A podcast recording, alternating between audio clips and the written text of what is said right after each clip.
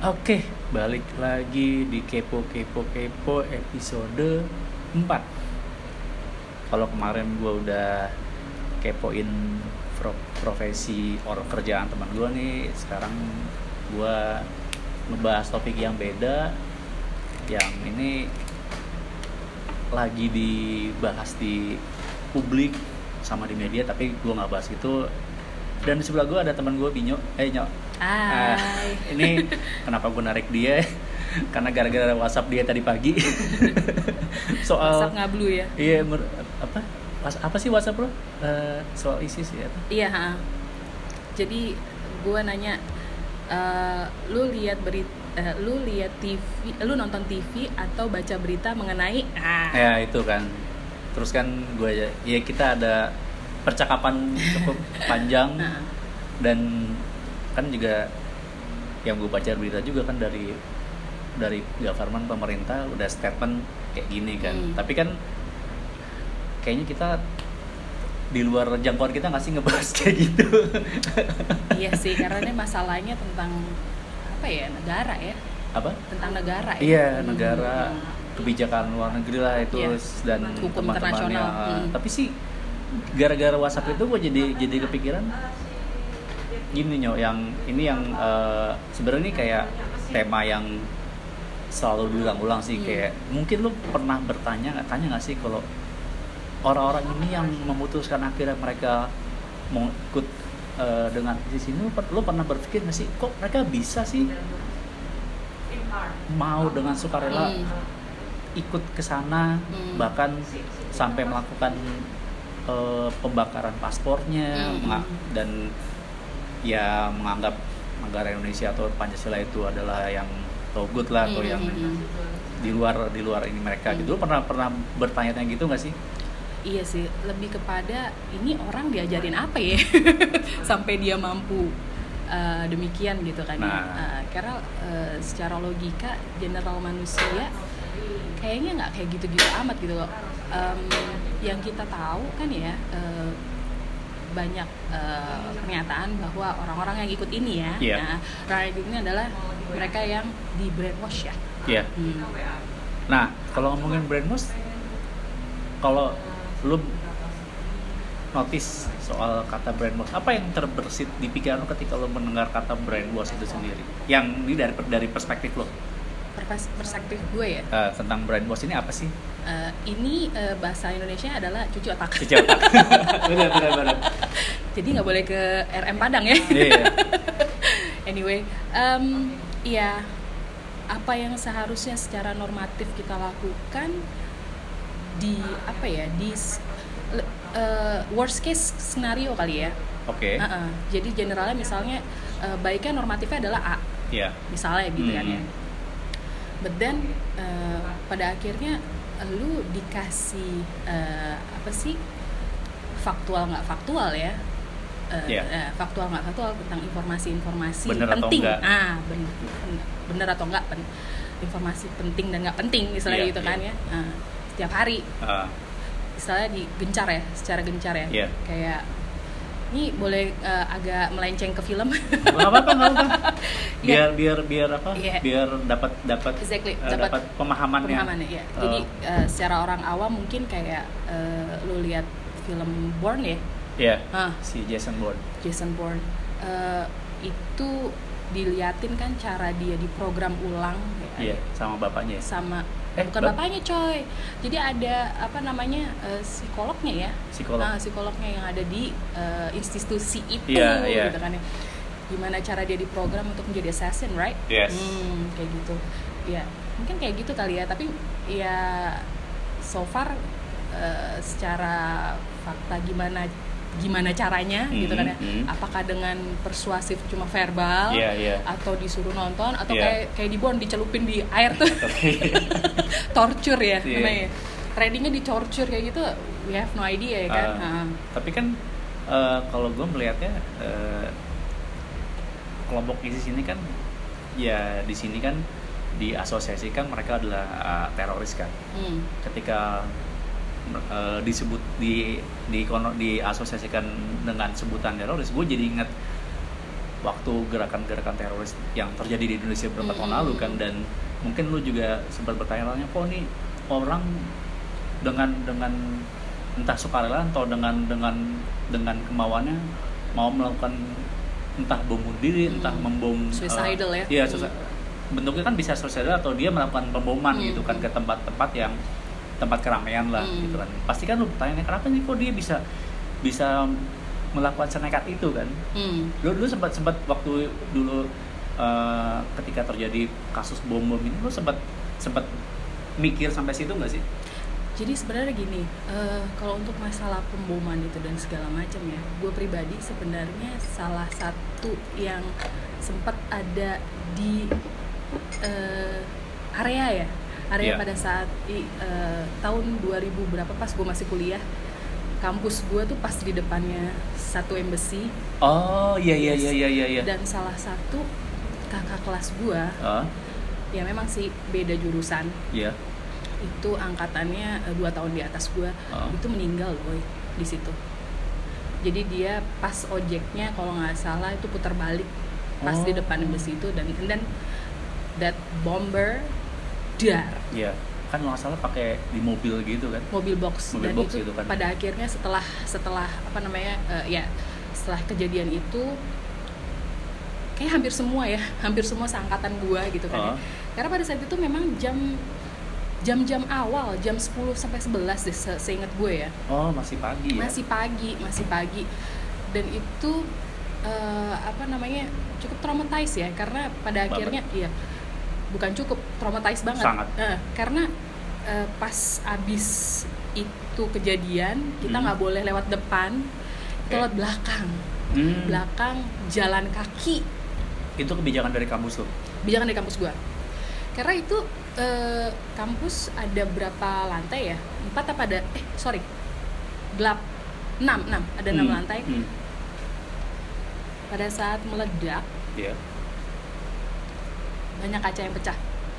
Dari atas. Dari itu nggak bayain puji Tuhan sih memang nggak ada eh, anak-anak yang gedung di situ. gedung kampus berarti kaca-kacanya sempat pecah? Kaca mm, dari atas. Eh, apa namanya? Puji Tuhan sih nggak ada nggak ada nggak ada korban ya Iya. di pada saat kita di area kampus. Ya tapi kakak kelas gue itu yang pas dia mau pulang itu Aduh. habis kalau nggak salah dia mau habis bimbingan. Hmm, seingat gue ya habis iya bimbingan. iya iya. Terus ya udah eh, apa namanya disuruh pulang semuanya. Iya. kegiatan belajar mengajar perkuliahan dihentikan suruh pulang semuanya. Itu kita lewat belakang eh, nggak ada sinyal. Oke. Nggak ada sinyal sampai eh, apa namanya area Senayan baru ada. Ah, baru ada sinyal dan itu gimana sih how traumatized you are eh, iya. lu jalan untuk evakuasi lah ya untuk Oke. evakuasi berbondong-bondong barengan terus sama sama-sama anak-anak yang lain dan emosional sekali gitu loh Iya. Maksudnya ya kita cewek-cewek ya kan udah segerombolan gitu kan TKP-nya bener-bener deket banget exactly pas Deket banget depan-depanan dulu, iya. depan-depanan terus eh, apa namanya ya nangis-nangis lah berderai-derai Iya, iya, gitu kan iya, ya iya. terus sinyal nggak ada pada saat di Senayan akhirnya langsung nyala kan maksudnya sinyal baru Baru ada, eh, baru ah. recover lah ya baru Iya. recover. Itu ya otomatis lah orang tua. Karena mereka eh, di situ eh, memang eh, jarak berapa ratus meter ada satu TV ya TV Hmm, nasional. Iya iya iya. Mereka ngeliput. Mereka ngeliput. Dan automatically pas kita jalan terus baru di Senayan ada recover apa sinyal itu udah berapa hampir satu jaman gitu kan Iya. ya orang tua udah ketar ketir Iya, kan iya. nah, udah itu di situ anak gue gimana Wah, nih anak kan? gimana segala macam udah gitu kan kondisi lu juga nggak bisa susah dihubungin gitu kan exactly yang kayak gitu ya udah sampai pada akhirnya eh, everything apa namanya eh, bisa ngobrol sama orang tua Hmm. kita fine fine aja Iya, gimana iya. segala macam ya udah terus eh, apa namanya sempat libur deh kalau nggak salah kita. Kita kayaknya se- sempat libur dalam minggu itu baru masuk lagi di next week. Terus ya udah. Nah it- kalau dari segi psikis gua gitu ya dan teman-teman gua yang Hmm. apa namanya pada akhirnya eh, menjalani hidup ke depan iya. kita ngeliat mobil box sekarang udah traumatized loh. Iya iya iya iya iya. Anjir banget nggak bisa nggak bisa dipungkiri ya jadi kayak jadi itu jadi trigger buat ah, lu Nyok. ah, ah, ah, ah, ah. ya kayak gitu I mean um, how ya pertanyaannya kan how ya Iya. kenapa mungkin mereka bisa yang- serela itu gitu loh untuk dan mereka melakukan itu secara sadar Nyok. exactly nggak pakai uh, substance kan iya wah, wah jadi maksudnya kuat banget ya cara mereka untuk nge- Di program ya? Hmm. nah iya makanya kan gue bilang kan mereka melakukan secara sadar berarti kan kalau kayak gitu berarti memang ada sebuah pemrograman panjang Nyok yang dilakukan untuk sampai orang itu yang tadinya dia nggak punya niat sama sekali sih sampai akhirnya punya niat hingga akhirnya mereka berani untuk Hmm. melakukan tindakan itu Iya. that's why yang gue bilang sebagai brainwash itu oke lah bahasa Indonesia cuci otak walaupun kadang ada jokes ini nyucinya pakai apa sih itu Iya. kan pakai Vaseline atau pakai rinso atau pakai apa gitu kan jadi sebenarnya sih kalau oh boleh sebut merek ya Iya, boleh boleh Boleh, kan ha. gak disponsor juga Hmm. jadi kalau dari sisi gua eh, ya dari keilmuan hipnoterapi ini gue melihatnya brainwash itu adalah memperkuat value atau belief yang ada dalam pikiran lu. Iya ya, hmm. iya Gitu sih, loh. itu tepat sih. Hmm. Nah, makanya tadi yang gue sempat cerita lu di di awal juga kan itu kayak contoh deh eh, kelompok mujahidin lah yang Hmm. di Afghanistan dulu yang Hmm. mereka tuh yang eh, berhasil eh, mengkudeta Soviet sehingga akhirnya Soviet bisa keluar dari Hmm, hmm, dari hmm. dari Afghanistan Yes. itu mereka membentuk para para laskarnya para Serdadu. serdadunya itu dari kecil dari program Hmm, hmm, hmm. dan itu ternyata emang waktu eranya Al Qaeda Hmm. Osama bin Laden Hmm. memang melakukan itu jadi dari kecil dari program Hmm. bener-bener karena kan ketika ketika masih kecil masih sangat mudah untuk di diprogram Ya, anak kecil tuh memang otaknya masih sebagai spons. ya. Yes. Hmm. Jadi everything kasih- you say, everything you give. Hmm. uh, it, it can be the Hmm. permanen gitu Yeah. kan jadi per- jadi jadi nilai permanen Hmm. dalam pikiran mereka nah itu kan di luar sana Hmm. nah ketika melihat ke Indonesia para ya gue bilang para oknum ini mereka nggak mungkin untuk untuk mendi- meng- meng- men- mencetak atau bentuk dari kecil Hmm. sementara ya ini menurut gue pasti mereka punya data dong oh ini harus melakukan untuk melakukan kita udah punya beberapa titik dan harus Hmm. dilancarkan dalam jangka waktu tertentu akhirnya mereka mereka mencari orang yang udah setengah jadi Hmm. maksud gue adalah yang mereka tuh udah punya udah punya udah punya value dasar kayak contoh misalkan mau mati syahid Hmm. mereka benci Amerika Hmm. mereka anti asing Hmm. itu makanya kan yang salah satu contoh deh eh, salah satu contoh suicide bomber yang namanya Asmar Latin yang Hmm. dia itu eh, waktu bom JW. JW Hmm. JW Marriott kan polisi dap, men- eh, berhasil dapat kayak video rekaman Hmm. dia kan video video testimoni dia bilang di suratnya dia dia mau mati syahid Hmm. Dia udah bikin pernyataan seperti itu ya. Hmm. Yes. Jadi emang ketika ketika si rekrutmen ini rekrut, ah, sorry, rekruter ini tahu Rekruter. bahwa dia udah punya value moment set, Eh. wah gampang nih. Tinggal tinggal di Udah masuk di requirements mereka ya. iya Hmm. gitu loh. Udah punya value itu, Mhm. tinggal dipoles-poles supaya mereka atau si para kan dulu sebutannya pengantin Hmm. kan. Ketika eh, saat para pengantin dari yang tadi mereka udah punya value dasar Hmm. diperkuat-perkuat sampai akhirnya mereka berani melakukan itu. Nah, Hmm.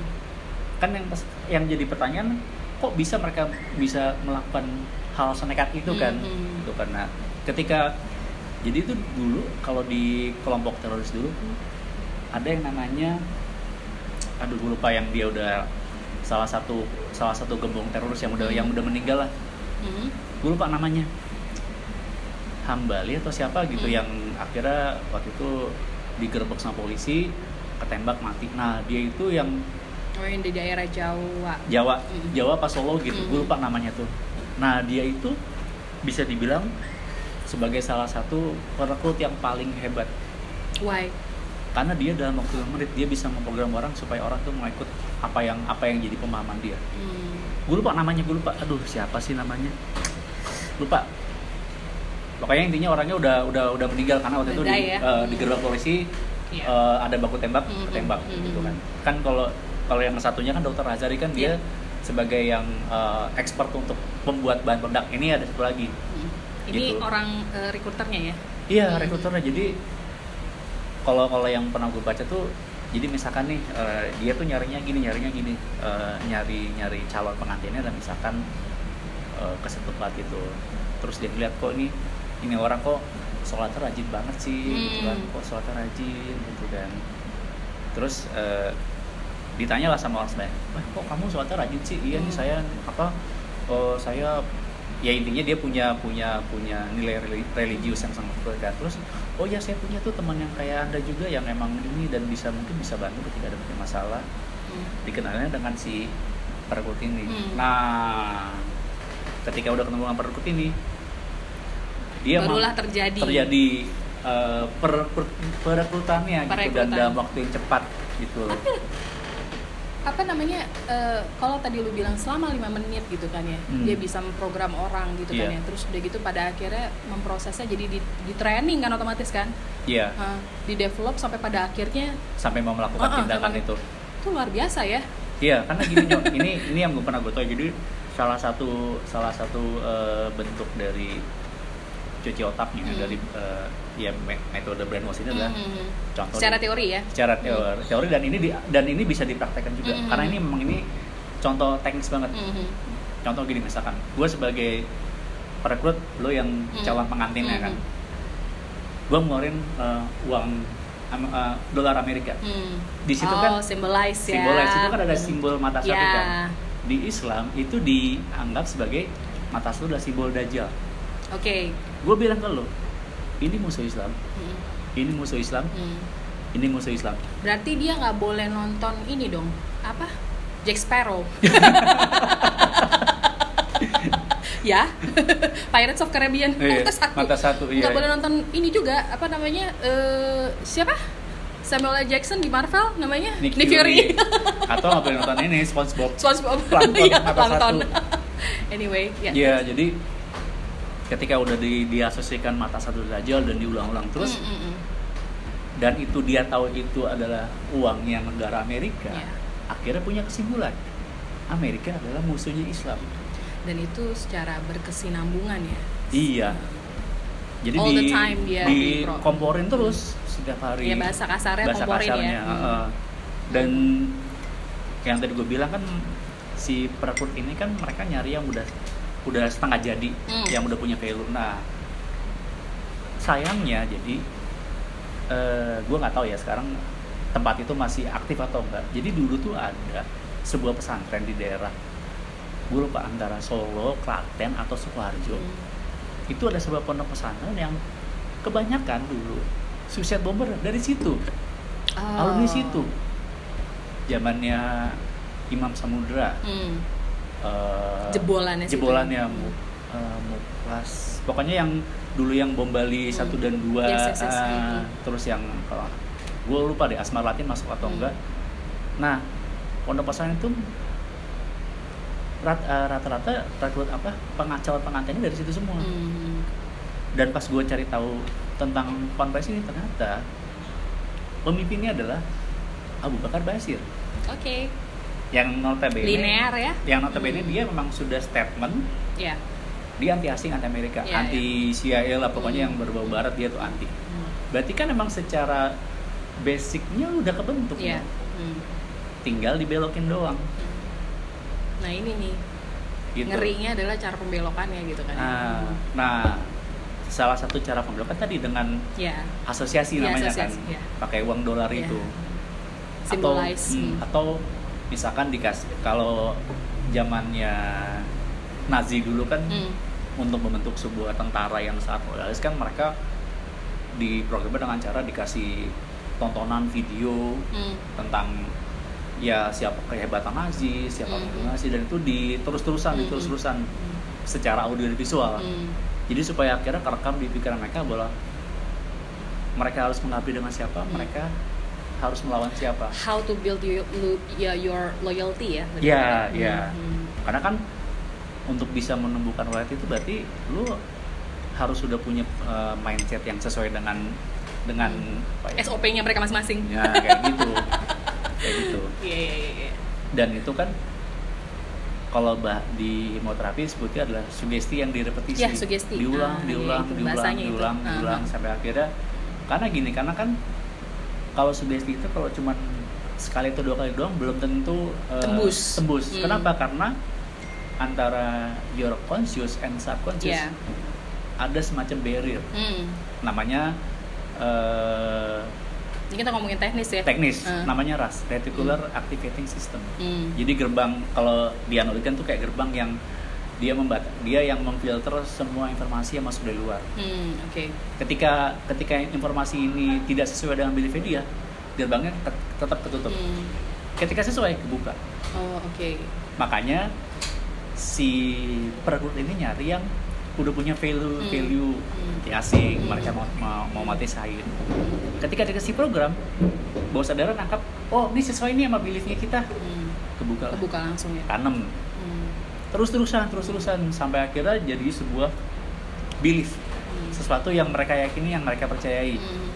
gitu jangan misalkan contoh deh karena belief ini keyakinan ini bu- nggak kalau gue bilang bukan terkait agama tapi agama bisa jadi salah satu belief mereka Nah, tapi iya nggak itu. maksud gue Nyok. Pembelokannya situ. Bahkan- Hmm. dan emang kalau melihat dari kejadian dulu memang ketika pakai eh, informasi yang dibungkus dengan religi Hmm. eh, agama lebih kena Hmm. lebih Ya. kena gitu Lihat dari secara faktualnya seperti itu ya. iya termasuk juga kan yang ya pak orang-orang yang akhirnya mereka memutuskan untuk hi- eh, hijrah sebutannya ke Hmm, Syria hmm, itu kan hmm. itu kan juga di dikasih eh, message kan berbau agama juga Iya. Negara apa eh, negara sistem khilafah lah dijanjikan pekerjaan yang baik Hmm. bebas melakukan apa saja walaupun pada Pada kenyataannya akhirnya itu bull. bullshit dan berbeda jauh dengan apa yang di mereka Apa, iya. dan itu karena itu jatuhnya udah kayak propaganda itu terus terusan Hmm. gitu misalkan contoh misalkan contoh eh, ini deh contoh message-nya siapa yang ingin tinggal di negara yang sistemnya khalifah sesuai Rasulullah gitu kan Hmm. sesuai dengan syariat Islam Hmm. di sana eh, pemerintahannya adil makmur masyarakat sejahtera kalau gue sebagai sebagai orang yang punya belief agama yang sangat kuat Hmm. gue bisa tergoda loh Nyok. Ya. lo pun juga begitu loh Ya. ya kan tapi kan kayak kalau cuma sekali belum tentu ngefek Hmm. jadi harus dibombardir terus sampai akhirnya yang tadinya gue kepengen minat sampai akhirnya gue mau eksekusi Nah, ya itu kan hmm, betapa hebatnya sampai pada akhirnya mereka mau execute gitu. Iya. Hmm. yang tadi kan juga lo sempet cerita yang di Apa? film Sherlock Oh iya. ah gimana ah, gitu Itu. gue jadi inget soalnya Iya. Jadi eh, apa namanya? Based on Sherlock eh, TV series BBC ya, season 3 ya season 3. episode pertama Episode pertama. Iya, gue inget itu eh, judulnya Empty Years. iya Jadi eh, di situ pada saat episode Watson eh, mau ngelamar Mary ya, mau ngelamar Mary terus si Sherlocknya ba- bangkit dari kematian. Iya. Ternyata dia nggak mati gitu kan ya. bikin kaget si Ya, Watson, Watson Hmm. gitu kan. Terus eh, jadi ingat karena di di episodenya adalah eh, eh, mau meledak meledakin parlemen. Iya, benar Nah, parlemen Inggris. parlemen. Karena mau ada UU apa gitu deh, rancangan UU apa gitu. Iya, nah, iya. nah, terus udah gitu uh, so far uh, Sherlock um, apa namanya antisipasi dari informasi uh, orang-orang Baker Street ya, apa Iya. orang-orang jalanannya ya, uh, gitu. uh, ada tiga atau empat orang ya, salah satunya adalah anggota parlemen.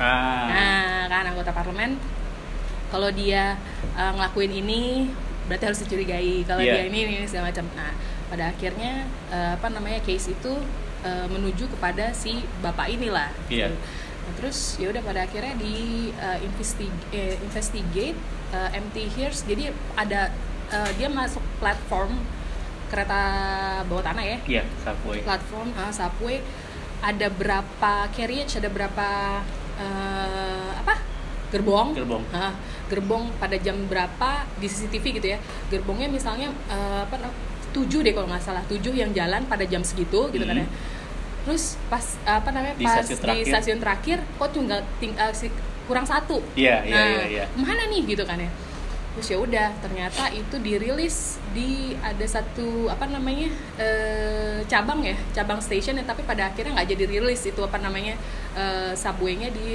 eh, namanya Sumatera iya stasiun Sumatera Nah, tuh itu ternyata gerbongnya dirilis di situ dan Hmm. diinvestigate sama Sherlock sama Watson. Ternyata itu bom dan itu diber, dilepasnya pas banget di eh, di atas eh di bawah parlemen. Nah, stasiun itu di pas di bawah parlemen Iya, pas di ya. bawah parlemen gitu kan. Nah, ya udah, ya udah. Jadi eh, apa namanya? eh, lucunya adalah diaktifkan jarak jauh ya. Iya. Jarak jauh dari eh, si bapaknya itu di hotel. Terus ada tombol kedua di mana harus ngeledakin tapi nggak meledak. Nah, tapi itu udah jalan. iya iya iya. udah iya. jalan jarak jauhnya yang untuk eh, mengaktifkan gitu Hmm. kan ya. Mengaktifkan. Nah, ya udah apa namanya? Pada akhirnya emang nggak bisa dijinakin, cuma ada tombol ya berarti. Tombol. Nah, ada tombol buat Yang itu pas Sherlock itu nggak bilang ke Watson lagi kan yang Watson dia udah nangis-nangisan ya kan. Dia, dia gua akhirnya kayak buat Buat- confession gitu iya, kan. confession. Lu orang terbaik apa segala macam ya, ya, ya, ya, terus dia- ya udah. Tapi akhirnya itu eh, di situ ada statement dari Sherlock eh, about the bomber gitu kan ya. Iya. Kalau misalnya nggak ada klik di bomnya itu gitu kan ya tombol untuk menok menonaktif apa sih jatuhnya kayak Mengaktifkan. mengaktifkan atau enggaknya gitu kan untuk meledakin itu menjadi sa- eh, satu masalah buat mereka. Nah, Hmm. dan itu juga berlaku juga nyok untuk untuk case di sini nyok. Kan tadi gue bilang kan eh, mereka si para pengantin ini kan bisa senekat itu melakukan pengeboman kan, Hmm. entah entah mereka menaruh atau mereka melakukan suicide kan. Hahaha. Tapi pada saat itu apa? ya, tapi kita nggak bisa nanyain juga ya secara faktual juga pada mati semua ya Iya, kan istilah iya. gitu. Pada saat mereka ada di kejadian ada nggak sih mereka keraguan kayak gitu macam? Pasti ada nyok. Ya otomatis ya. ada kayak misalkan ada. contoh deh gue sebagai sebagai pengantin ketika gue udah siap dengan dengan eh, bom entah yang gue bawa sendiri apa yang gue gua sebagai suicide deh, sebagai martir atau sebagai atau yang gue naruh doang Hmm. bisa aja ketika ketika gue sampai di lokasi dengan waktu yang sudah ditentukan Hmm. tau-tau logika gue bermain ya. iya hmm. gue ngapain ini kenapa Ngapain ya? iya Uh-uh. gue kan punya anak ya gue punya Uh-uh. keluarga ya Well, we have no idea about iya the factual. sementara kan Hmm. sebagai dokter wah gila jam segini nih kok belum belum meledakin juga gitu.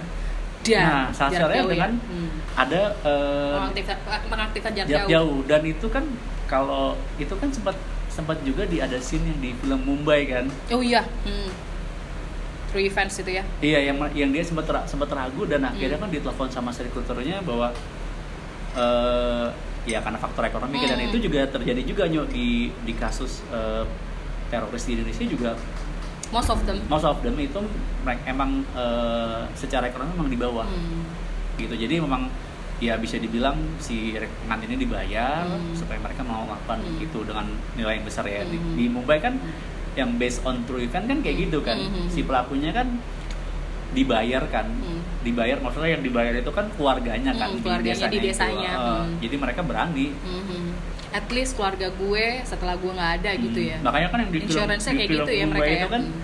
ketika mau main eksekusi main eksekusi yang cewek itu kan gue Islam itu itu yang si pelakunya kan wah lu iya. jangan jangan dong Yang jangan dong ya. iya iya Mm-mm. ketika azan atau apa yang Iya, iya. anjir Islam juga loh Iya, mm-mm. terus dibunuh itu kan yang ada pertentangan batin Iya. dengan dengan si pelakunya Mm-mm. kan gitu loh Hmm.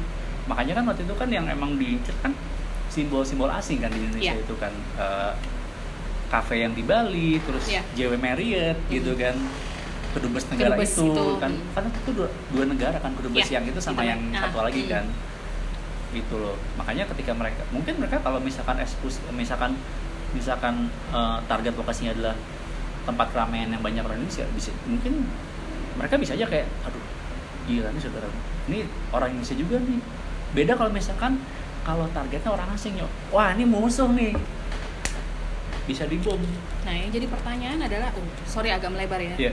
Ngomongin tentang orang lokal, which is satu native sama kita orang Iya. Indonesia sama orang expat lah, Hmm. orang asing. Yang di Sarina, coy. ah ya ya ya Hmm.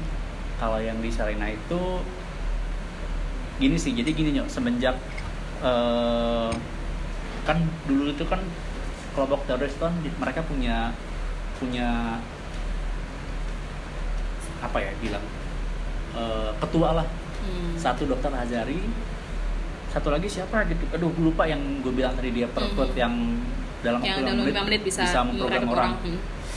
aduh gue lupa namanya nah semenjak dua tokoh ini meninggal Hmm. kelompok Terpecah teroris ya? ini terpecah Hmm. mereka jadi sel-sel masing-masing jadi Hmm. kelompok masing-masing yang Hmm.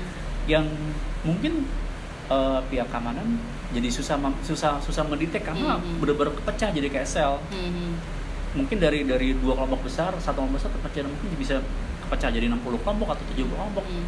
dan itu but, mungkin butuh effort untuk bisa Iya. mendetek itu itu banyak intelijen lah ya nah kayak gitu nah ketika ketika udah terpecah-pecah dari jadi beberapa bagian kelompok kecil itu pasti ketika kalau gue pakai analogi seperti ayam kehilangan induknya Hmm. ketika udah kehilangan induknya dua itu pasti mereka udah punya udah punya kepentingan beda-beda nyok ya iya sih gitu Hmm. karena karena karena kepalanya udah nggak ada kepalanya udah nggak ada ya yang menjalankan SOP udah nggak ada iya pengkonsepnya udah Iya, udah udah pengonsepnya nggak ada. ada. iya Hmm. jadi sekarang udah yang antara kelompok misalkan jadi 20 kelompok itu masing-masing kelompok itu pasti punya kepentingan masing-masing karena Hmm. Punya leader kayak leader leader kecil Iya, gitu loh dan setiap leader itu punya pasti SPV punya masing-masing iya dan setiap setiap leader itu punya punya tujuan beda-beda Yes. lagi mungkin eh, mungkin kan visi dan misinya beda sekarang lagi kan ada yang teror sekarang kan kecenderungan kan mereka nyerang polisi kan Hmm. karena mereka sakit hati banyak eh, teman-teman mereka yang ditangkap Hmm. sama polisi itu ada mungkin ada lagi yang punya tujuan beda lagi Hmm. gitu loh Nyok. jadi kan teroris itu kan mereka kan mem- memberikan teror karena emang pasti ada ada apa namanya eh, ketika mereka melakukan teror mereka punya punya tujuan gitu. Hmm. pasti punya tujuan. Misinya apa visinya apa? Iya kayak gitu kayak gitu. Ya exactly. Makanya kan kalau balik lagi ke tentang Banmos itu ya gimana eh gua sebagai sebagai perekrut bisa mem- bisa memperkuat value ya lo yang tadi yang cuma level 1 jadi level Jadi 10 sehingga jadi advance ya level up ya? Oh, oh, jadi lu berani untuk berani untuk bertindak. Hmm. karena sam- cepat nggak kayak Candy Crush? Tergantung ya tergantung ya kalau misalkan Tergantung orang. tergantung subjeknya ini dia udah di level 3 atau level 5 wah itu udah gampang banget Nyok. apalagi yang tadi gue bilang dia udah punya bercanda ya jokes Iya. ya. Apalagi dia yang udah punya belief dia ingin mati Iya, iya, syahid dia anti asing Hmm. atau dia misalkan contoh misalkan gue punya cita-cita eh, pengen eh, hidup di apa mungkin dia mengidolakan eh, sistem pemerintahan yang syariat yang Hmm. jelas wah Hmm. itu lebih gampang Hmm. itu sangat gampang Hmm. iya sih kayak gitu susah ya kalau udah berbungkuskan dengan religi itu semuanya gimana ya iya karena memang memang Karena- di sini emang paling kena nyok paling keren. Karena kita berapa yang sudah diakui? 6 enam ya? Enam. Eh, Islam dan, Katolik dan Islam itu yang termasuk agama mayoritas kan? Iya Hindu Buddha Konghucu ya masuk ya? Konghucu. Hmm. iya. Dan kita kan juga kalau menurut pendapat gue bisa benar bisa bisa salah Hmm. untuk masalah agama kita termasuk fanatik. Iya memang termasuk sih ya. Hmm. itu salah satu. itu makanya bisa jadi bisa jadi bahan yang bagus ketika memecah belah. atau lo mau bikin isu. Iya isu itu ya kan udah banyak kejadian lah yang pakai uh, isu berbungkus agama tuh Mhm, bang, mhm. wow gampang tuh, Mhm. gampang di Gampang gampang, di gampang dibuat Gampang digoyah ya. iya gampang ha. digoyah. Mhm. Ya sama ketika terorisme juga sama ketika lo merekrut merekrutnya pakai kemasan agama lebih gampang. Mhm. Apalagi kan juga uh, di Islam tuh kan ada ada statement bahwa uh, gue nggak tahu ini benar atau enggak ya. Hmm. Ini kan yang gue tahu bahwa uh, darahnya orang non muslim itu halal. Hmm. Itu yang gue nggak tahu itu darahnya darahnya non muslim. which yang istilahnya, yang misalnya orang yang bisa non muslim bisa yang orang berbeda pandangan dengan Ah. dia itu halal darahnya. jadi it's not a big deal kalau misalnya mereka kita bikin mati atau gimana begitu Iya, maksudnya iya. wow Hmm. Akhirnya kan benih-benih radikalnya kan dari situ. Ketika mindset itu lo gemburin terus ke orang-orang yang emang orang kayak gitu ya secara secara secara agama mereka sangat kuat Hmm. dihajar terus Hmm. kemungkinan bisa ya bisa enggak Hmm. tinggal dilihat kira-kira nih kira-kira nih eh, dia bisa nggak nih untuk melakukan hal seperti Hmm. ini gitu kan pasti di ada assessmentnya juga Jo. Mm. Tapi kalau misalnya kita akhirnya ngomongin kayak gini kan jadi jatuhnya tentang fanatisme ya.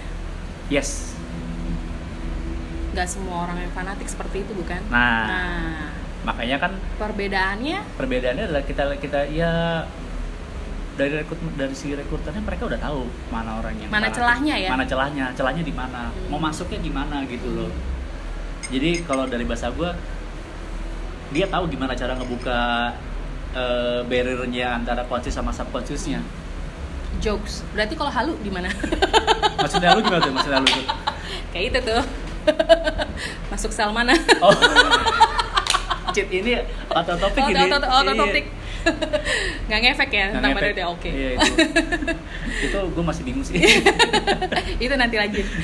nanti aja itu genre yang lain ya. ya gitu Iya. gitu jadi ketika lu udah lu udah tahu gimana cara celahnya di mana Hmm. how to open the barriernya Hmm. udah gampang Teoritis seperti itu ya. iya Hmm. apalagi emang ketika lo tahu dia punya belief atau value agama yang sangat kuat Hmm.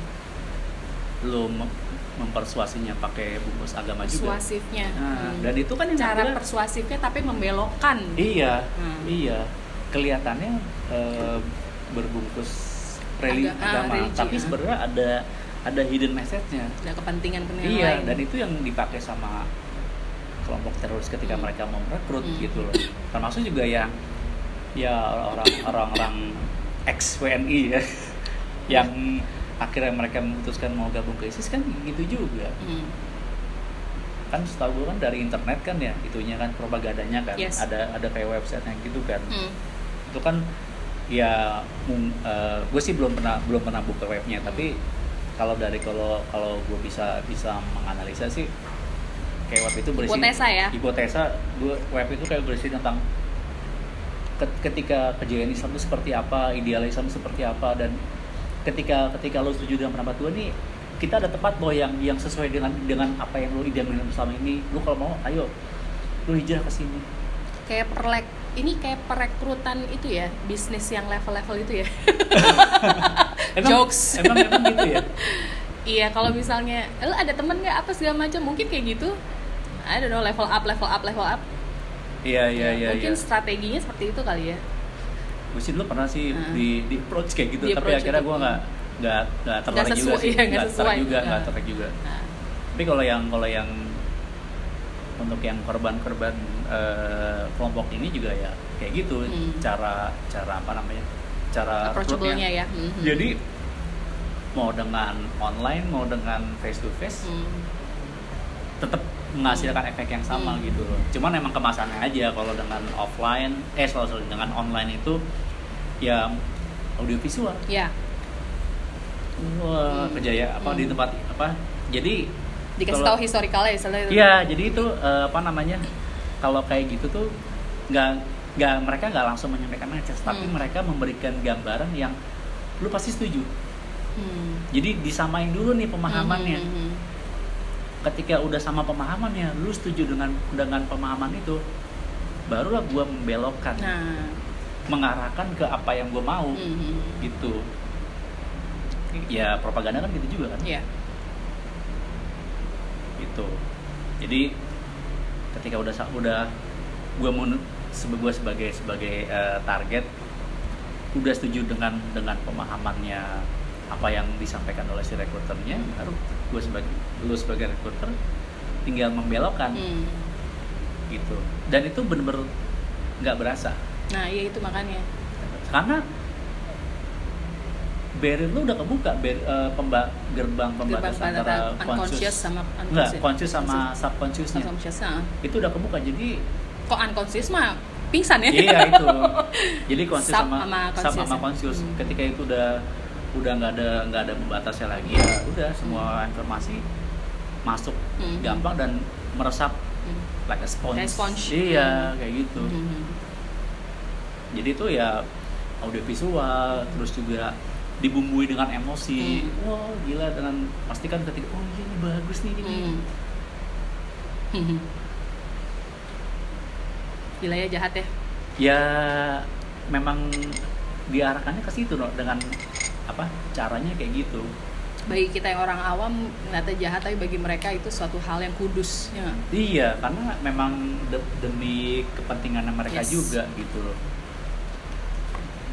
Tapi lu pernah notice nggak Nyo, kalau brainwash ini sebenarnya bisa atau bukan bisa? Lo meng- mengalami ini setiap hari sebenarnya? Eh, oh ini. Kaki lima kaki lima. Kayak gimana tuh? Yang haus yang haus yang haus ya nggak? iya nggak?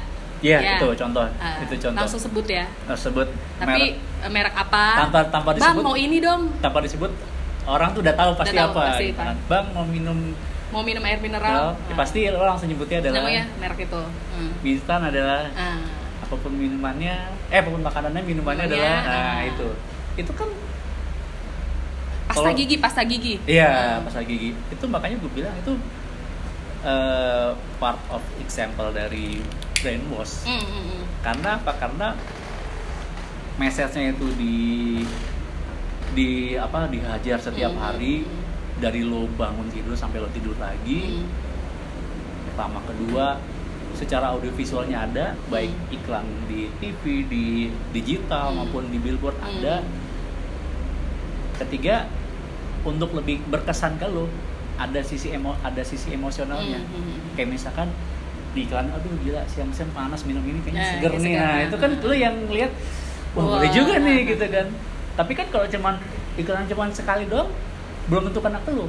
Setiap hari dihajar lagi dengan iklan yang sama, terus-terusan sampai akhirnya itu jadi bilit lu nempel di piano ketika orang orang nanya ke lu tentang air mineral pasti jawabannya itu langsung gitu jawabannya Hmm. Hmm. Iya iya iya. Make sense. Make sense. Itu Hmm. dalam itu dalam eh, contoh keseharian yang yang lo mungkin entah notice atau enggak. Hmm, hmm, hmm, secara nggak sadar ya? Iya. Hmm. akhirnya kena itu. Walaupun eh, lo merasa itu kan jawaban nggak sengaja spontan tapi Hmm. kan untuk bisa jadi sebuah eh, jawaban yang spontan dan nggak sengaja itu kan Hmm. ada proses penanaman yang berulang-ulang intens gitu loh. Ya gitu. Strategi ya ya strategi terlepas dari lo tadi bilang eh, ini ada kepentingan bisnis atau Mm, ini tapi kan gue melihatnya dari sisi Hmm. sisi hipnoterapinya Mm. gitu loh gitu dan mungkin nggak tahu lo itu kan tadi kan brainwash itu kan kepake buat teroris ya dalam Mm. hal negatif ya. Mm. menurut lo bisa nggak sih brainwash ini kepake untuk hal positif Eh, selayaknya apa dimaksudnya contoh misalkan nih lo eh, demo- demotivasi terus tuh gue brainwash supaya lo jadi motivasi tinggi. Kepikiran pernah pernah ter- terbayang kayak gitu nggak?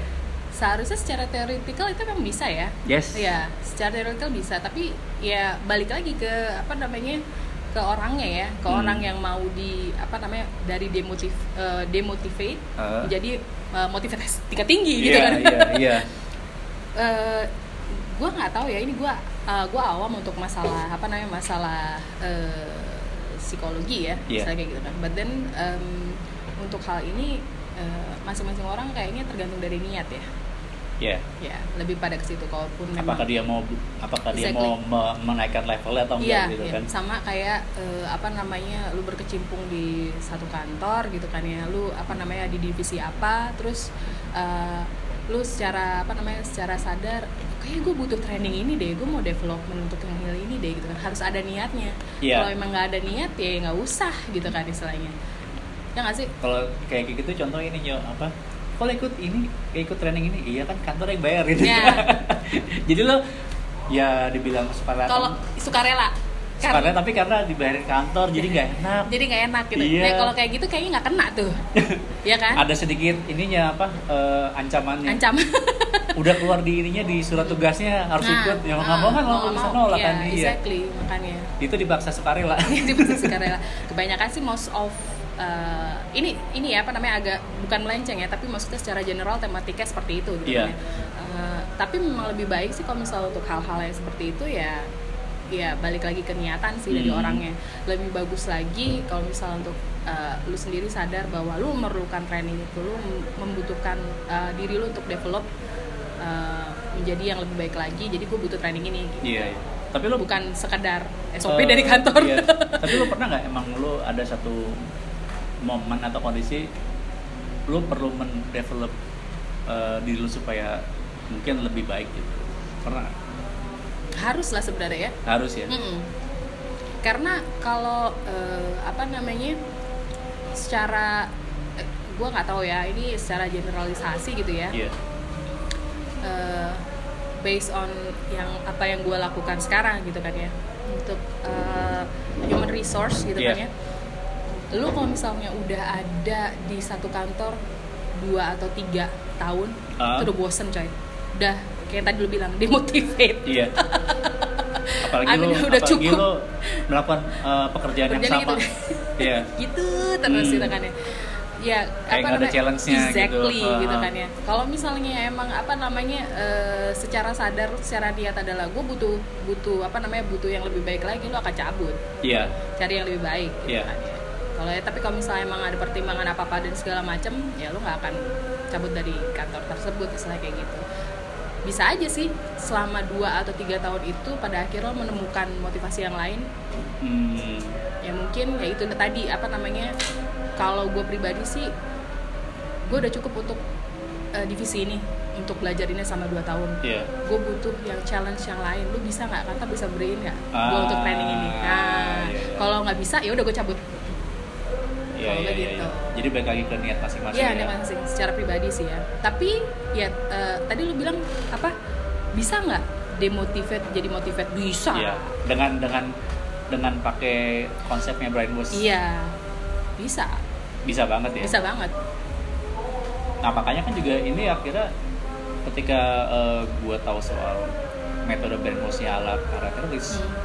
dan apa yang gua lakukan eh, daily dengan hipnoterapi itu sangat related banget nyok. Hmm, Linear ya. linear Hmm. banget gitu selama ini kan emang gue sering or berapa kali dapet uh, klien emang dia nggak bisa kontrol emosinya atau Hmm. dia mau lebih sabar atau dia mau Anger lebih management ya? anger, manage- Hmm. eh, anger management atau dia butuh empowerment Hmm. atau dia misalkan uh, dia bingung menentukan pilihan Hmm. ya terlepas dari istilah brainwash itu gue jangan oh gue ternyata melakukan brainwash gue setiap saat ya Ma- cuci, cuci otak gue setiap saat Memberikan sugesti-sugesti kepada orang ya. iya dan Nah, fungsi sugesti itu kan tapi secara positif. hmm, memperkuat istilahnya kan gini kan eh, kalau kalau di gue itu semua source itu di dalam diri lu tuh ada yang Yes. positif ya Hmm. tinggal antara lu dan gue eh, levelnya beda-beda Hmm. mungkin kayak contoh deh uh, source uh, tentang percaya diri di gua misalkan levelnya 6 Hmm. di lo misalkan 7 Hmm. nah kan beda nih Hmm. mungkin merasa kok gue cuma 6 ya kayaknya gue mau gue mau upgrade supaya Hmm. jadi level 8 misalkan. Upgrade, Uh, ah. nah itu bisa dan Hmm. gue berapa kali melakukan itu Hmm. Tapi nggak jadi ada yang narsis kan? Iya, kayaknya lu pada ada apa enggak ya? Sampai gue pernah pernah dapat case yang ini eh menurut ini cukup cukup ekstrim sih. Jadi Kenapa? gue pernah kedatangan klien, maaf kata, Hmm. dia itu gay. Hmm. Dia bilang dia mau mau normal. Oke. Oh itu buat gue tuh kayak satu keputusan yang besar karena Hmm. itu Effort. effort besar Hmm. iya itu effort lu ketika lo mau mau mau merubah itu tuh effort Hmm, banget hmm. dan ketika gue mentreatment dia akhirnya memang memang memang sih dari dalam diri dia memang dia ada keinginan untuk, Hmm, hmm, untuk hmm. uh, menyukai lawan jenis Hmm, gitu hmm. kan sampai akhirnya di pertemuan akhir dia akhirnya mantep Hmm. mau mau memilih untuk dia menjadi menjadi strike lagi gitu Hmm. makanya kan gue hmm, juga sih sebenarnya sih Hmm. gitu kan Terus bagaimana dengan perkembangannya sekarang? Ehm, Lo belum ada continuity nggak sih? Assessment gitu? Eh, kalau gitu baik lagi di baik lagi ke klien gue sih ke subjeknya Hmm, sih hmm. dia butuh butuh diimprove lagi atau enggak Hmm, hmm, hmm. karena kan kalau gue kan emang eh, di tempat gue kan emang eh, standarnya kan emang tiga kali pertemuan Hmm. jadi tiga kali pertemuan itu memang gue udah udah udah udah tentuin pertama itu apa kedua apa ketiga Hmm, apa hmm. kalau memang ternyata memang perlu ada pertemuan tambahan Hmm. itu dari si subjeknya ketika Hmm. merasa kayaknya gue butuh di butuh di treatment lagi deh Hmm, ayo gitu hmm. sementara kan gue gimana caranya memaksimalkan tiga tiga sesi Tiga itu sesi. Minimal sudah ada perubahan gitu Mm. loh mau perubahan seberapa besar dari sisa dia kayak men- menentukan niat niatnya gitu loh. semakin besar niatnya semakin besar hasilnya gitu Mhm. Jadi sama yang tadi gue cerita yang ada klien gue yang eh, orang asing yang dia heavy smoker itu kan Mhm. yang tadinya dia setiap hari ngerokok sehari 10 batang Hmm. akhirnya bilang ke gue jadi dua Hmm. itu kan dua is enough for apa namanya uh, klien lo ya iya itu kan perubahan yang drastis Hmm. banget yo dan kenapa dia sampai berani sampai kenapa dia sampai berani untuk melakukan seperti itu karena niatnya besar Hmm. gitu dan gue membantu supaya niatnya itu bener-bener yang tadi niatnya itu cuma cuma Hmm. tiga level gue naikin jadi 10 level Hmm. jadi dia berani untuk berani untuk komit oke deh gue kurangin Hmm. tapi kan untuk bisa untuk bisa punya niat itu kan memang uh, sugesti or programnya nggak bisa di level conscious harus Iya. di subconscious Hmm. karena subconscious yang menentukan tindakan tindakan lu setiap hari Hmm. gitu Eh, kalau menurut teori lu maksudnya itu kan eh, dari dari manusianya ya tapi eh, untuk lingkungannya kayak heavy smoker itu ya gitu kan karena gue juga smoker Iya. lingkungannya juga ini gak sih? Punya. Eh, ketika lu udah punya komit kuat nggak lu nggak akan terpengaruh lingkungan sih iya sih. Karena Enggak maksudnya lingkungan yang dia bentuk maksudnya kayak tadi Hmm. eh, apa namanya ada nggak assessment dari diri dia diri, diri dia sendiri gitu kan ya? Eh, I need to reduce eh, di apa 10 10 batang ini gitu kan Jadi ya? dua jadi dua batang. gitu kan ya? Uh-huh. mungkin apa namanya eh, di rumahnya nggak ada asbak atau apa dan segala macam itu kan alasannya yang dibuat aja iya. sebenarnya Hmm. karena kan kalau untuk alasan itu manusia itu paling pintar bikin alasan. Iya sih iya. Misalkan lu kenapa ini kak? Ya misalkan gua ambil contoh ya dan ini no offense ya. Hmm. misalkan kenapa lu merokok oh gue supaya dapat ide kreatif lah gue supaya nggak stres. Emang nggak ada Hmm. kalau gue dari sisi gue emang nggak ada cara lain selain rokok gitu ya. Iya. jadi kan sebenarnya kayak lu hanya terpaku dengan satu cara doang tapi sebenarnya masih banyak cara lain tapi lu nggak pikiran tuh belum mengarah ke sana Oh iya. Tapi kalau misalnya untuk masalah kayak gini kayak heavy smoker, kayak apa namanya eh, masalah kesehatan dan segala macem. Hmm. Kalau gue pribadi sih gue ada apa namanya ada apa ya ada pengalaman untuk hal itu. Ini eh, gara-gara kemarin gue radang tenggorokan. ya lo sakit berapa hari ya oh oh gitu kan ya. Eh, puji Tuhan sih gak kenapa-napa tapi Iya. maksudnya eh, setelah gue pikir gitu kan ya eh, di rumah gue ngerokok Hmm. di luar gue juga ngerokok gitu kan Iya. ya jadi akhirnya gue meridus gue nggak akan ngerokok di rumah. Jadi Ah. lu ketemu gue sekarang ini gue baru ngerokok. Hmm. di luar. Iya, iya. karena apa? Eh, nah ini pertanyaan gue bisa nggak sih lu ngehipno kehip nge apa ngesuges diri lu sendiri gitu kan? Kayak Ah. apakah ini termasuk dalam gue mensuges diri gue sendiri? Gue nggak mau karena masalah itu gitu kan ya radang tenggorokan. Gue nggak bisa ini. Jadi kalau pas gitu gue batuk nih berat kemarin nggak keluar lengket coy ah iya ngeri. kayak nggak bisa nafas. And then apa namanya dokter gue ngasih ini loh obatnya. Jadi selain antibiotik dan segala macem eh, karena gue susah nafas iya. gue nggak ada sinus sih puji tuhan ya. Iya. Jadi kayak obat semprotan biar biar ini encer gitu Encer, loh iya. Ah. itu dipakainya eh, apa namanya sehari sehari itu jadi empat kali semprot kanan kiri jadi Ah, pagi iya, iya, iya. pagi dua dua malam dua dua kayak gitu sampai Iya, kayak iya. begitu itu sih dan dan sampai pada akhirnya sekarang gue kayak begini kalau menurut gue itu ini sih karena ada initial event sih initial event yang benar-benar bikin tapi itu lu. bisa kan bisa Ah. bisa bisa bisa banget gitu loh itu kalau ini kan memang memang memang itu kan karena by moment kan Iya, heeh. ketika lo mau lo mau merubah itu misalkan eh, dengan bantuan orang Hmm. eh, atau dengan metode hipnoterapi itu sangat bisa Iya. banget gitu ada ahlinya ada exper Iya. ada expertisnya ya Dan- untuk itu dan ya dari dari pengalaman gue sih untuk kayak case smoking ini termasuk cepet Hmm. jadi baru sekali pertemuan pertemuan kedua mereka rata-rata udah langsung berhenti Mhm. karena emang dia ya sekarang gini nggak mungkin mereka datang ke gue kalau mereka mau berhenti iya exactly beda cerita kalau misalkan eh, jadi bapak berhenti, eh, misalkan contoh anda ke sini mau berhenti ngerokok atas keinginan sini? Enggak disuruh sama istri saya. Ya kalau gitu Hmm. mendingan istrinya anda di di sugesti supaya mau menerima anda setelah merokok iya lah lebih baik gitu ya karena, bukan dari bukan niatnya dia, sendiri iya. Lebih segitu itu. Dan itu gue pernah karena itu gue pernah ngalamin datang eh, sekali eh, udah pernah datang nih sekali. Iya saya mau berhenti ngerokok mas. Udah sugesti udah. Hmm. kok nih pertemuan kedua keduanya kok nih? Nggak nggak ada kabar nggak datang. Hmm. gua nanya lah sama sama orang yang ibaratnya yang rekomend dia kan Hmm. ah percuma mas dia juga nggak niatnya nggak kuat-kuat banget mau berhenti susah sih kalau kayak gitu ya iya Hmm. jadi juga kalau niatnya nggak kuat juga susah Hmm. tapi kan ya lu jadi jadi sia-sia aja lu udah Hmm. datang Hmm. datang ke gua lu udah bayar tapi niat lu tuh nggak Hmm.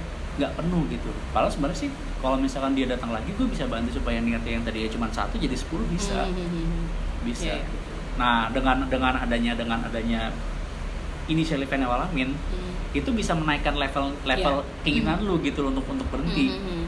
ya misalkan lu jadi sakit Hmm. waduh gua harus berhenti nih harus berhenti nih Hmm, hmm, hmm. karena udah udah udah ada kejadian benar-benar yang bikin lo bik- bikin lo efek shock ke lo Hmm, sendiri hmm. sampai akhirnya ada sugesti yang masuk ke pikiran lo Hmm. kalau lo ngerokok lagi pasti sakit Hmm. Sampai akhirnya kan uh gue sakit udah gue gua ngurangin deh Hmm. mungkin kan kalau untuk berhenti total nggak bisa kan karena kan udah habit kan Hmm. jadi "Oh, udahlah gue ngurangin sehari gue ngurangin ha kira gue mis yang kayak same kayak Hmm. case klien gue kan dari 10 cuma jadi Hmm, dua hmm, karena Gitu. eh, sebenarnya sih gue nggak tahu ya baca di mana jadi ngomonginnya tentang apa smoker nih Hmm. it's okay ya karena itu based on apa namanya ya dari lo hipnoterapi dan Iya. eh, tentang sugesti dan segala macam ada satu gue lupa namanya siapa ya bawa bapak tapi dia dia nulis buku Alan siapa ya namanya ya?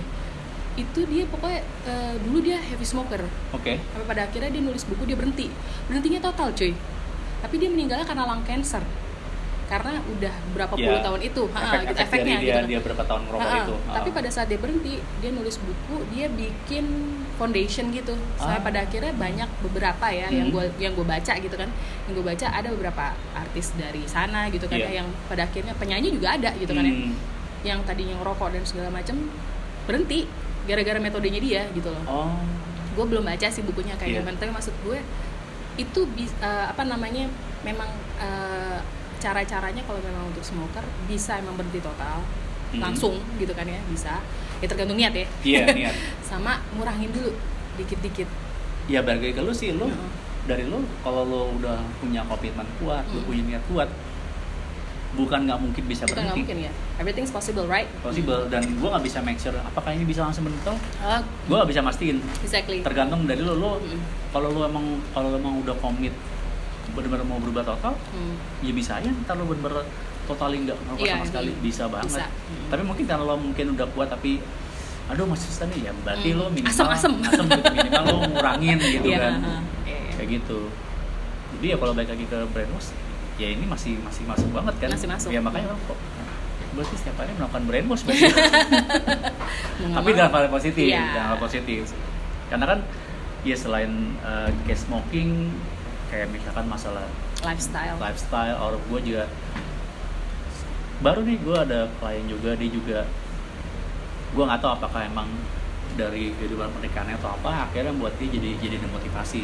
Jadi nggak Hmm. semangat kayak kehilangan semangat hidup lah. Akhirnya datang gue mau supaya di supaya motivasi dia naik lagi supaya dia semangat kerja lagi gitu. Ya udah akhirnya yang gue bantu ya isi eh, kalau secara teknisnya tuh hal negatifnya dikecilin hal positif dinaikin Hmm. jadi yang yang yang muncul di pikiran dia tuh udah hal positif aja Hmm. mungkin hal negatifnya ada tapi ketika hal negatif mau mau mau, mau muncul Hmm. langsung dialihkan ke hal Ke hal positif. positif. iya Hmm. gitu jadi ya memang sangat bisa untuk jadi Hmm. jadi ya baik lagi ya lo pakai pakai ilmu ini untuk apa kan gitu Hmm, kan hmm, hmm, hmm. kalau untuk positif ya seperti itu hmm. Dengan negatif ya seperti yang tadi kita bicarakan. Iya iya gitu. Tapi Ada- lo pernah nggak sih Nyo, apa kayak eh, mungkin mungkin ini bukan bukan lo yang alami tapi dari orang-orang di sekeliling lo yang emang eh, dia akhirnya terpikir atau jadi punya yang tadi dia nggak punya keinginan yang kuat sampai akhirnya dia jadi punya keinginan kuat akhirnya berani untuk berani untuk melakukan perubahan. Hmm. Yang mungkin kalau gue bilang kayak ekstrim lah. Yang tadi dia nggak melakukan sampai akhirnya dia mau melakukan gitu. Ya gila nih orang kok bisa ya? Ya contoh kayak kalau kita ngambil case negatifnya yang bomber lah. Tapi ini in the positive way gitu. Dari orang skill lu pernah ada nggak case atau contoh yang kayak, kayak yang in the positive way-nya? In positive way ya? Hmm. in positive way gue nggak tahu ya. Gue belum pernah menilai satu-satu sih Nggak ini satu contoh aja, nggak Hmm. nggak perlu. Jadi kayak yang mungkin yang tadinya dia nggak termotivasi tiba-tiba jadi yang oh langsung berubah drastis gitu jadi orang yang motivasi tinggi Motivator. banget. Eh, nggak nggak nggak harus motivator tapi setidaknya dia berani untuk melakukan yang tadinya cuma wacana akhirnya jadi jadi jadi jadi terlaksana gitu loh. oh ada oh kalau untuk itu ya Ah. itu ada ada ada ada itu yang kepa- yang tadi gue cerita salah satu ya lu kenal temen kita eh, yang kemarin gue nonton konser bertiga ya kan Oh iya iya iya iya. iya. salah satunya adalah eh, lelaki hmm. Eh, ya dia waktu itu eh, apa namanya ini sih eh, ini cuma apa namanya eh, meter apa ya dari dulu memang eh, untuk gigs dan segala macam ya Hmm. Hmm.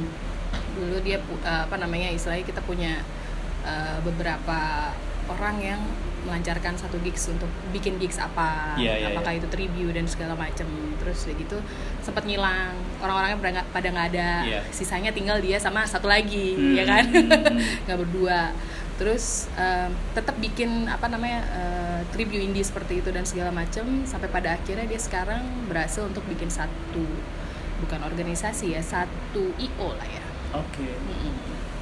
Ya, Jadi yang lebih lebih termanage. atas namanya dia termanage Ah. Nah, dan eh, so far sih ini boleh sebut nggak sih Eh, bebas sih kalau Bebas sih ya. terserah lu sih mau mau nyebut atau enggak terserah sih Iya, apa namanya saya pada akhirnya dia bisa bikin IO dan apa ada beberapa banyak ada beberapa eh, acara Iya. yang apa namanya acara gede dan acara eh, weekdays Hmm. atau acara weekend Iya. yang akhirnya diselenggarakan oleh dia gitu kan. Saya sebenarnya waktu itu gue sempet karena kita nongkrong bareng, gue sempet ngomong, eh, ayo yuk bikin lagi. Eh, kayak dulu karena kan waktu dulu orang-orang kan pada pada mencar-mencar nih gitu Iya. kan. Tapi dia masih punya niat gitu kan. Tadinya Ah. demotivate kan karena orang-orangnya udah pada nggak ada istilahnya Iya, gitu iya. kan. Ya pada akhirnya nggak gue bisa. jadi ngedrop gitu iya kan. gitu. Saya pada akhirnya nggak gue bisa. Eh, ya udah sampai sekarang. Eh, ada IG-nya triple S S S S S iya iya iya. Iya, itu uh, foundernya adalah yang tadi gue bilang Iya. dari yang tadinya dia cuma uh, jatuhnya bukan angan-angan ya, tapi memang dia udah pernah apa namanya melaksanakannya, but Hmm. then kehilangan orang gitu kan ya. tapi tetap BM-nya masih pengen terlaksana masih gitu pengen kan terlaksana lebih kasarannya gitu ya BM-nya Iya. masih mau terlaksana sampai pada akhirnya ya udah sekarang banyak acara gede yang ya apa namanya uh, dilaksanakan gitu kan ya. dengan maksudnya berhasil melaksanakan dengan dengan orang yang tersisa lah ya atau Iya, mungkin dengan- emang yang yang mungkin gak sebanyak atau se Ya nggak sebanyak yang nggak sebanyak kayak waktu dulu dulu Mm-mm, gitu kan pada akhirnya bisa jadi eh, jatuhnya sampingan ya hmm. Dan itu ya salah satu kesenangan sih karena Iya, kita iya. juga nongkrong per gigs kan gitu Iya, iya. per gigs per gigsan ya kayak gitu Tapi kalau menurut lo apa, apa yang bikin yang eh, motivasi dia yang tadinya jadi ngedrop sampai akhirnya dia jadi motivasi levelnya jadi tinggi sampai akhirnya dia berani kerinduan sih lebih tepatnya Ah. Berarti ada sisi ada sisi- dia, emosional Ada sisi ya. emosionalnya Hmm. ya. Kerinduan kenapa ya gitu kan Kayak kalau gue tuh dia kan kayak kangen. gua kangen nih Kangen Hmm. apa? Nyanyi bareng. nyanyi bareng eh, singelong gitu kan. Sama- Jadi mo- memang ada ada initial event yang berupa emosi kan. yes Dan itu kan pasti keripit, Keripit. terus di pikiran dia. keripit terus sampai pada akhirnya emang beneran BM untungnya jadi, Jadi. gitu kan Ha.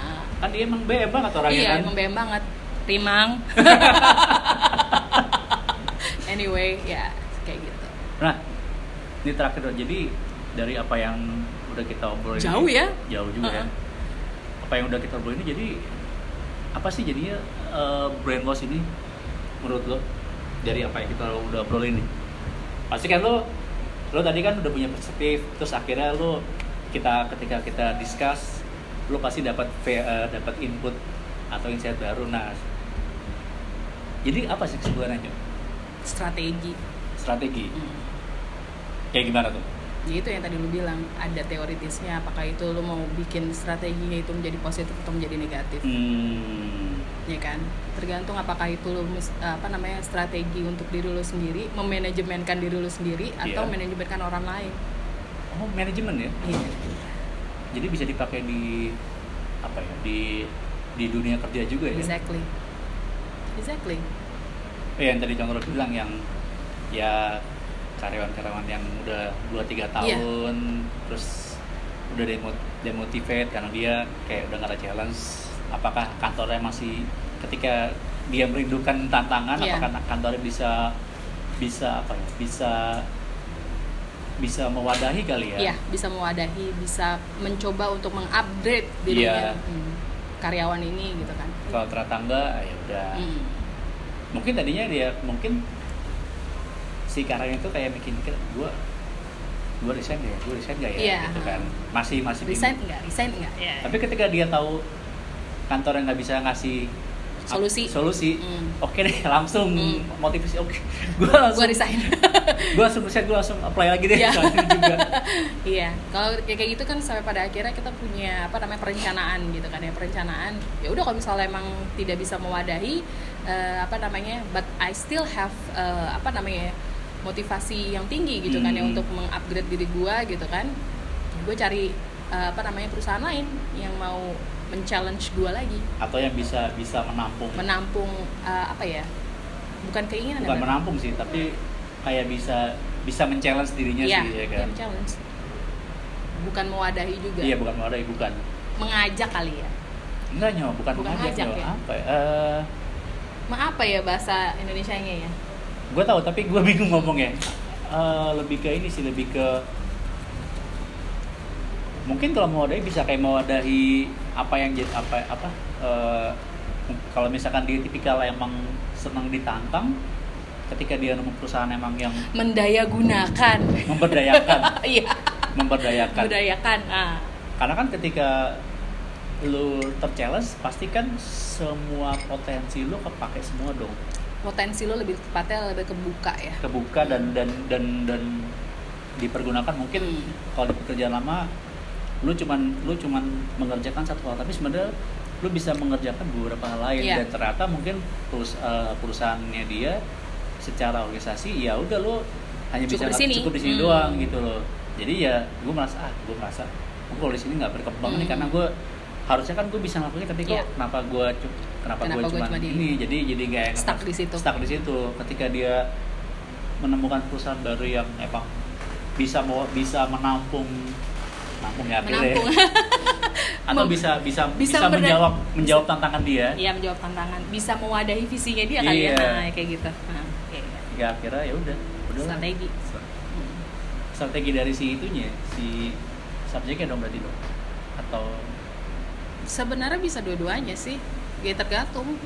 Eh, pasti masing-masing perusahaan punya strategi sendiri ya. Iya. Adakah eh, kalau ngomongin tentang perusahaan kan pasti iya nih gue mau ngedevelop orang Hmm. tapi gue nggak punya budget gimana ya Iya, iya, kan iya. kayak gitu-gitu kan biasanya kan akan apa namanya akan terkendala gitu kan ya most of kan kayak begitu kebanyakan seperti itu gitu Iya. kan ya ya ya itu dia apa namanya bisa dari dua-duanya tergantung dari apa namanya kan jatuhnya kayak lu punya orang yang berpotensi di luar sana hmm, terus lu mau lu punya eh, keinginan untuk ngedevelop orang. Hmm, jodoh-jodohan ceritanya berat iya iya iya Mm-mm. iya. bisa nggak lo ketemu sama orangnya kayak gini? Nah, Yang bisa kayak match. Nah, berarti bisa dibilang dong antara brain eh, brain wash metode brain wash dengan lu mendevelop orang itu Hmm. sebenarnya satu Iya. satu Linear. satu linear gitu loh mm. jadi eh, untuk bisa mendevelop itu harus dengan brainwash dia dong berarti dong bisa jadi Hmm, possible possible ya kalau kita ngomongin tentang apa namanya ya demotivate itu ya Hmm. untuk masalah apa namanya eh, sudah bekerja tidak ada challenge lagi 2-3 tahun iya iya itu iya. hal yang jamak yang pasti akan bosan tinggal gimana si perusahaan bisa menangkap kegelisahan exactly Si iya itu kata kuncinya karyawannya menangkap kegelisahan iya dan menganalisa Iya. apakah dia ses gak tuh dia Ah, kan dia iya. ya apakah ini orang karena gini kalau misalnya setiap orang development Hmm.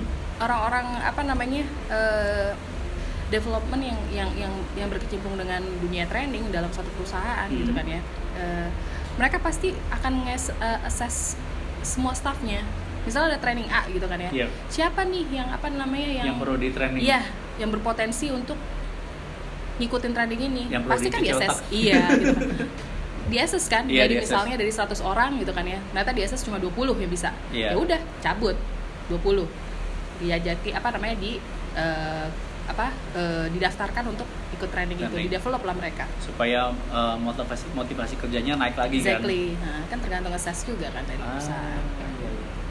gitu Jadi tinggal dipilih. menangkap kegelisahannya Ah, menangkap kegelisahan ya. Itu assessnya Jadi Iya. ketika tahu nih orang wah nih si A ini Hmm. udah mulai gelisah Hmm. nih dia pengen berkembang tapi nggak bisa. itu juga sebagai preventif Hmm. kalau kalau yang gue lihat ya Iya. Sebagai preventif jadi demotivate untuk resign apa segala macam itu kan jatuh jatuhnya turnover kan ya Iya turnover. turnover turnovernya itu kalau misalnya perusahaan dinilai di assess turnover dari divisi ini wah Tinggi banget. tinggi banget Rajin, ada rajin, apa rajin nih keluar masuk iya, iya, Heeh, iya, iya. ada apa nih nah gitu kegelisahannya seperti apa Jadi alih-alih harusnya bisa dipertahankan atau dimaksimal, Dipertanya- ah, dimaksimalkan, masuk- diberdayakan diberdayakan, Hmm. ya dimaksimalkan, Hmm. tapi malah oh ya udah maaf kita nggak bisa nggak bisa memberikan tantangan lebih gitu. Tapi itu bukan satu kesalahan ya Iya. dari perusahaan. Maksudnya kan masing-masing kan ya punya apa punya perencanaan kan ya Iya. ke depannya gimana dan segala macam. Makanya kan kadang kan kenapa lu resign? Ya gue mau nyari tantangan baru nih. Karena di kantor yang sekarang nggak bisa nggak bisa nggak bisa meng Men-challenge gue untuk men-challenge kalian. gue untuk lebih baik lagi Untuk atau level up. Heeh, ketika gue bisa gue bisa berapa hal tapi ya perusahaan hanya bisa di satu Hmm. karena gue pekerjaannya udah sesuai sesuai SOP dulu sementara kan harusnya kan juga si HR perusahaan tersebut juga bisa mengassess juga potensi anak ini apa nih Hmm, hmm. kira-kira kita bisa bisa memberdayakan potensi dia Hmm. atau enggak gitu kan Hmm. malah jadi ngelebar ke ini ya dunia training ya Dunia training. ini harusnya jadi bahasa sendiri ya Iya. padahal kita ngomongin brainwash Iya ya. brand host. Nggak tapi maksudnya kan mengacunya secara secara global gitu kan ya. Hmm. Secara yang apa namanya jamak terjadi adalah Iya. seperti itu. Bisa. Kalau misalnya memang eh, ya tadi gue jawab menurut lo host ini sebagai apa ya strategi? Hmm. Gitu. Nah, sebelum mencegah pembicaraan kita jadi melebar ke mana-mana, Ah. ada baiknya kita sudahi. Nyok. ya udah deh. daripada, daripada ini udah mulai Udah melenceng ya? melenceng daripada melenceng ke jauh, tahu-tahu tiga jam kita ngomong tanpa nonstop kan. ya, ya. Mendingan kita cut aja. Hmm. Thank you Nyok, udah Terima kasih. bareng gua. Hmm. Sampai jumpa lagi di Sampai episode jumpa. berikut- berikutnya. Hmm. See you, dah. Bye.